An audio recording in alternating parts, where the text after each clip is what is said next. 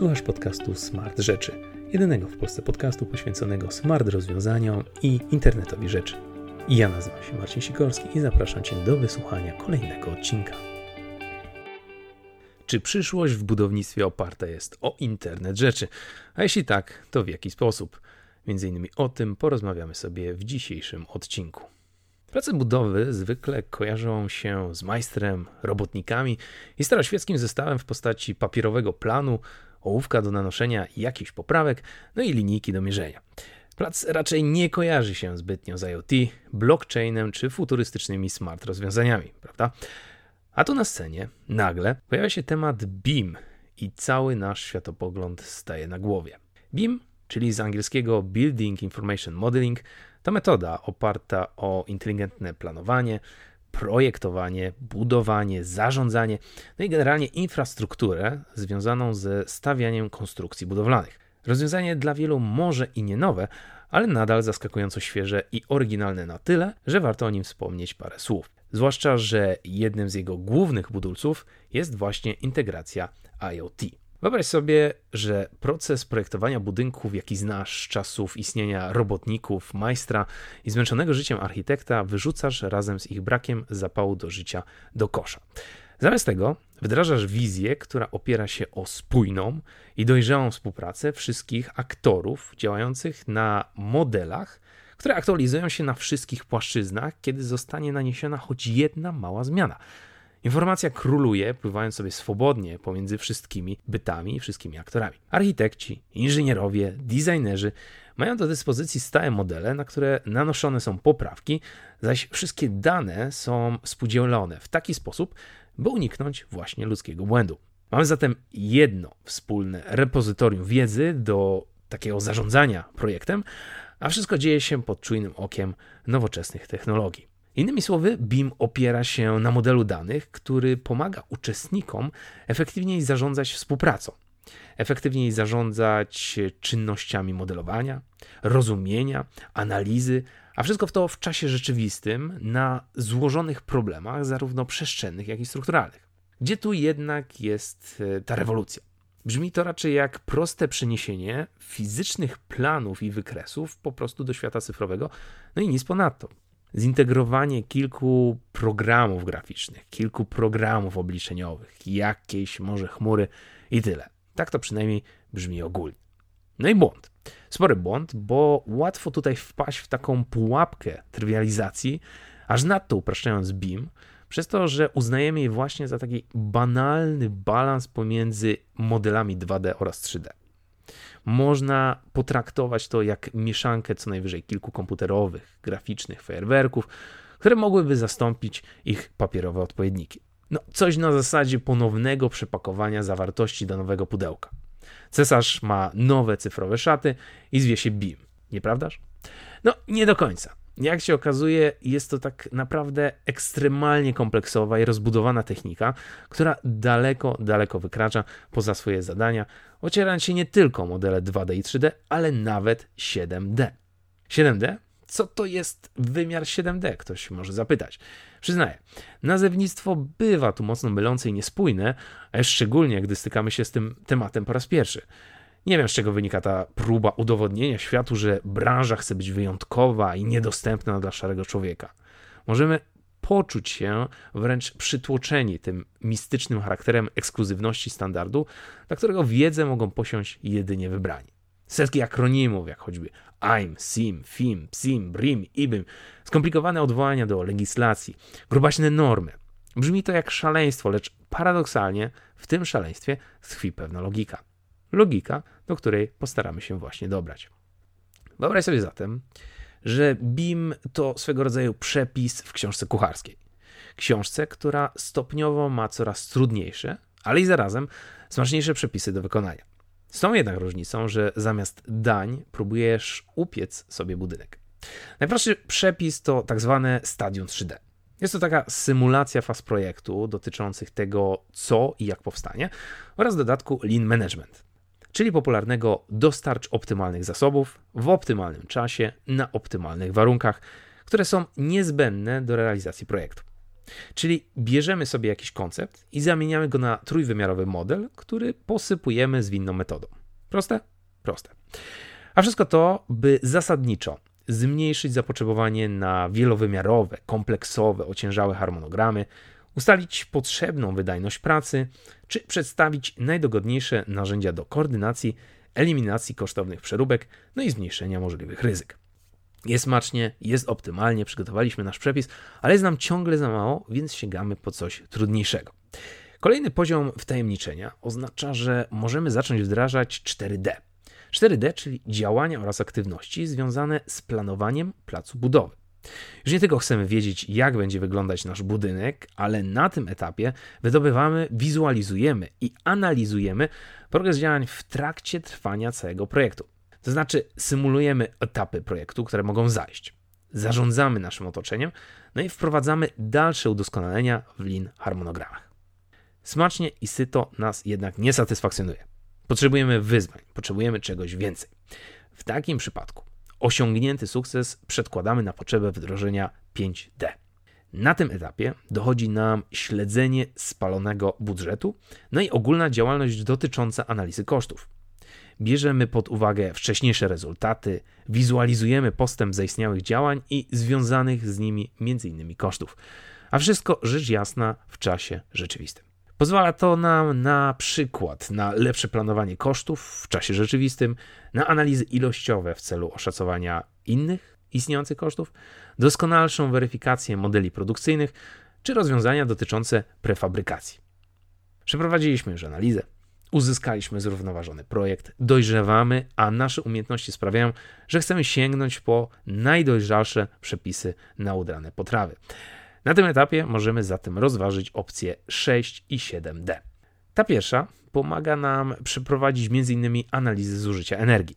Pełniej, dojrzalej i dużo dokładniej szacujemy, by stwierdzić, jak bardzo eco-friendly jest nasz projekt i co jeszcze ewentualnie moglibyśmy w nim udoskonalić, czyniąc go jeszcze lepszym, no i zarazem bezpieczniejszym w użytkowaniu. To oznacza, że mierzymy, weryfikujemy i klasyfikujemy czynności zachodzące w trakcie użytkowania budynku. Jakie czynności? A na przykład analizę zużywanej energii, e, analizę i zrównoważone generalne śledzenie zużywanych elementów, weryfikowanie wskaźników w kontekście standardu, na przykład BREAM albo LED i tym podobne czynności. Ale chwila, chwila, chwila. Czyżby pojawiał nam się tu kolejny standard? Czym jest ten BREAM? Czym jest ten LED? No niestety, pojawia się nam tu kolejny standard, o którym trzeba by troszkę powiedzieć. Tym razem ukłon w stronę ekologicznego środowiska. Widzisz, jest to swego rodzaju dobrowolna metoda oceny, która jest stosowana do opisania efektywności środowiskowej budynków. Upraszczając, polega to na przyznaniu budynkowi swego rodzaju rangi opartej na jego wydajności. Na tę wydajność oczywiście składa się szereg czynników i kryteriów, takie jak choćby zarządzanie, jakość środowiska wewnętrznego, energia, transport, woda, materiały, użytkowanie gruntów, czy choćby emisje i innowacje. W zależności jak dobrze są one dostarczane i zrealizowane, uzyskać można ocenę. Ocenę od najwyższej, outstanding, poprzez excellent, very good, good, pass lub kończąc na unclassified. To z kolei pozwala nam dumnie prezentować światu wysoki standard, jaki reprezentujemy swymi działaniami. Co się zaś tyczy nazewnictwa, BREAM to skrót od Building Research Establishment Environmental Assessment Method, zaś LED to Leadership in Energy and Environmental Design. To pierwsze zawdzięczamy Brytyjczykom, to drugie Amerykanom, a w obu przypadkach chodzi o ten sam rezultat, czyli widoczną poprawę efektywności środowiskowej budynku w obszarze takich słów jak oszczędność, redukcja, ograniczenie, zmniejszenie, wydajność itd. Tak itd. Czy zostało coś więcej do dodania w temacie BIM, skoro otarliśmy się już o temat ekodojrzałości? A no okazuje się, że tak. Okazuje się, że tak, gdyż istnieje jeszcze wspomniany poziom 7D. Ten poziom jest wykorzystywany głównie przez kierowników w celu eksploatacji i konserwacji obiektu przez cały cykl życia budynku. Można na tym etapie śledzić istotne informacje o budynku, takich e, jak choćby dane produktu, instrukcje dotyczące obsługi i konserwacji, specyfikacje blueprintów, zdjęcia, jakieś dane gwarancyjne, dane dotyczące producentów, dystrybutorów, kontakty, etc., etc., etc. Jednym słowem, takie multimedialne centrum kryzysowe umożliwiające szybkie reagowanie na dowolną nieprawidłowość lub bolączkę, jaka może pojawić się w budynku. W ten sposób objawia nam się moc internetu rzeczy. Moc, którą daje nam spektrum kontroli, o jakim wcześniej mogliśmy co najwyżej pomarzyć. Wyobraź sobie teraz budynek. Budynek, w którym działają aktywne tagi, gwarantujące ciągłość transmisji danych i pozwalające niwelować już w zalążku standardowe problemy, z którymi mierzą się właściciele budynków. Problemy takie jak skazy elementów, jak korozja stali, uszkodzenie powierzchni zewnętrznej, wilgotność, pleśń, wady dachu, pęknięcia, awarie fundamentów, niestabilność struktury. To wszystko da się wyleczyć i to wszystko da się zarazić właśnie za pomocą internetu rzeczy i poziomu 7D. Na to wszystko ślicznie właśnie wpasuje się IoT i niczym trybiki dobrze naoliwionej maszyny uszczelnia to systemy wczesnego ostrzegania, monitorowania stanu struktury, bezpieczeństwa pracowników, mapowania UAF i wszystkie inne strefy, które nie miały czasu i możliwości być wymienione. Widzę tu same korzyści polegające na lepszym wykorzystywaniu dostępnych zasobów, na podniesionej skuteczności działania, wzmocnieniu bezpieczeństwa, lepszej obsługi klienta, maksymalnym wykorzystywaniu dostępnych środków. Do tego zmniejszylibyśmy zapasy bezpieczeństwa, ulepszyli sposób zarządzania, poprawiłaby się widoczność łańcucha dostaw, zredukowały koszty przestojów, no i uprościłaby się praca, nie mówiąc o ulepszeniu kontroli. Brzmi to za dobrze, by było prawdą. Skoro jest to takie złote rozwiązanie, to czemu nie wprowadzamy go jako standardu? Co stoi nam na przeszkodzie? Ano nie wprowadzamy go stąd, że przemysł budowlany niechętnie przyjmuje innowacje, będąc swego rodzaju konserwatywną księżniczką, która działa w myśl zasady tak to już robiono wcześniej, więc tak zrobimy to teraz. Na to nakładają się problemy ze współpracą, problemy z komunikacją, bo panuje sieczka, bo panuje rozdrobnienie branż, osobliwe sposoby na przetargi, no i realizację zamówień publicznych. Ograniczenia wynikające ze strony klientów, czy też skostniała mentalność niektórych graczy na rynku, nie mówiąc już o całym szeregu odmiennych problemów zapakowanych w worek z nazwą legislacja i finanse. Zresztą, jeśli jesteś ciekaw, jak wiele czynników musi być spełnionych, aby móc w ogóle mówić o udanym wdrożeniu BIM, polecam lekturę rzeczowego poradnika Building Information Modeling BIM, w którym autorzy analizują powyższe problemy i też wspominają o czymś, co zwie się tablicą Mendelejewa BIM. Jest tam wymienionych ponad 78 czynników podzielonych wedle kategorii strategii, podstaw, współpracy, procesu, ludzi, technologii, standardów, narzędzi czy zasobów, co już daje do myślenia i poniekąd tłumaczy, dlaczego ta piękna idea jest nadal ideą, a nie popularnym standardem. W każdym razie powodów można mnożyć i mnożyć, ale nie chodzi to o szukanie winnych czy celowe palenie czarownic, a raczej wskazanie na możliwość istnienia lepszej i ciekawszej alternatywy dla dotychczasowych rozwiązań. Alternatywy, w którą idealnie właśnie wpisuje się IoT, który mógłby udowodnić swoją przydatność i zasadność istnienia. Nie jako byle startupowa zabaweczka, lecz dojrzałe rozwiązanie służące społeczeństwu. Ale do tego potrzeba nam czasu, i firm, które gotowe są realizować nowe rozwiązania. A ile firm jest gotowych zaryzykować, realizując działania w nowy sposób? Wracając do samego zagadnienia, warto jeszcze podkreślić, że idea BIM obejmuje jeszcze takie obszary jak choćby blockchain. Blockchain, w którym moglibyśmy trzymać dane dotyczące umów, łańcucha dostaw, rekordy dotyczące modyfikacji, dzięki czemu nasza zdecentralizowana baza danych IoT prywatność oraz współpraca zewnętrzna mogłyby osiągnąć nowe poziomy elastyczności i nowe poziomy dynamizmu. Rozważmy sytuację. Mamy inteligentną umowę, która skutecznie zapobiega przypadkom niepłacenia w terminie poprzez związanie płatności właśnie z umową. Po zakończeniu pracy fundusz zgromadzony na kontrakcie zostaje zwolniony i przesłany kontraktowi, gdyż inteligentna umowa wykonuje się automatycznie – już po realizacji jej kodu. A wszystko oczywiście przy zerowym kontakcie i nadzorze ludzi. Wszystko jest w pełni zautomatyzowane. Ze względu na zdecentralizowaną właściwość blockchain, taki smart contract jest w 100% bezpieczny i niezmienny, a do tego, do tego zmniejsza się możliwość wystąpienia błędów ręcznych. Załóżmy, że mamy system. System działający w budynku, który może ulec awarii, a i choćby na przykład um, automatyczne drzwi. Automatyczne drzwi, które reagują na ruch. Nagle drzwi ulegają awarii. Sensory znajdują i wykrywają problem poprzez skan drzwi i ustalenie, co uległo uszkodzeniu. Następnie taka transakcja lub czynność, jak to woli, zostaje przesłana do sieci blockchain. Integrując to z odpowiednimi systemami szybkiego reagowania, możemy udzielić odpowiedzi na to wydarzenie zgodnie ze schematem inteligentnej umowy.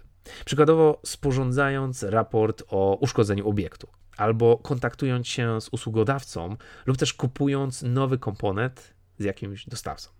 W rezultacie naprawa i jej konsekwencje zajmują dużo mniej czasu, bo mamy schemat działania, który jest w 100% zautomatyzowany i mamy schemat działania, który jest idealnie opisany.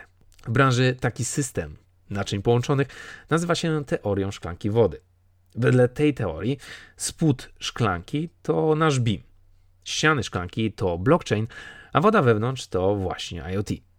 Zgodnie z tą teorią, wszystkie trzy elementy muszą zgodnie współpracować, by nie nastąpił żaden konflikt lub żaden zgrzyt. Bez BIM wody nie można konserwować i nią zarządzać. Metoda regulacji obiektu i danych jest e, bez znaczenia. Bez internetu rzeczy szklanka jest zawsze pusta. System nie jest synchronizowany z rzeczywistością.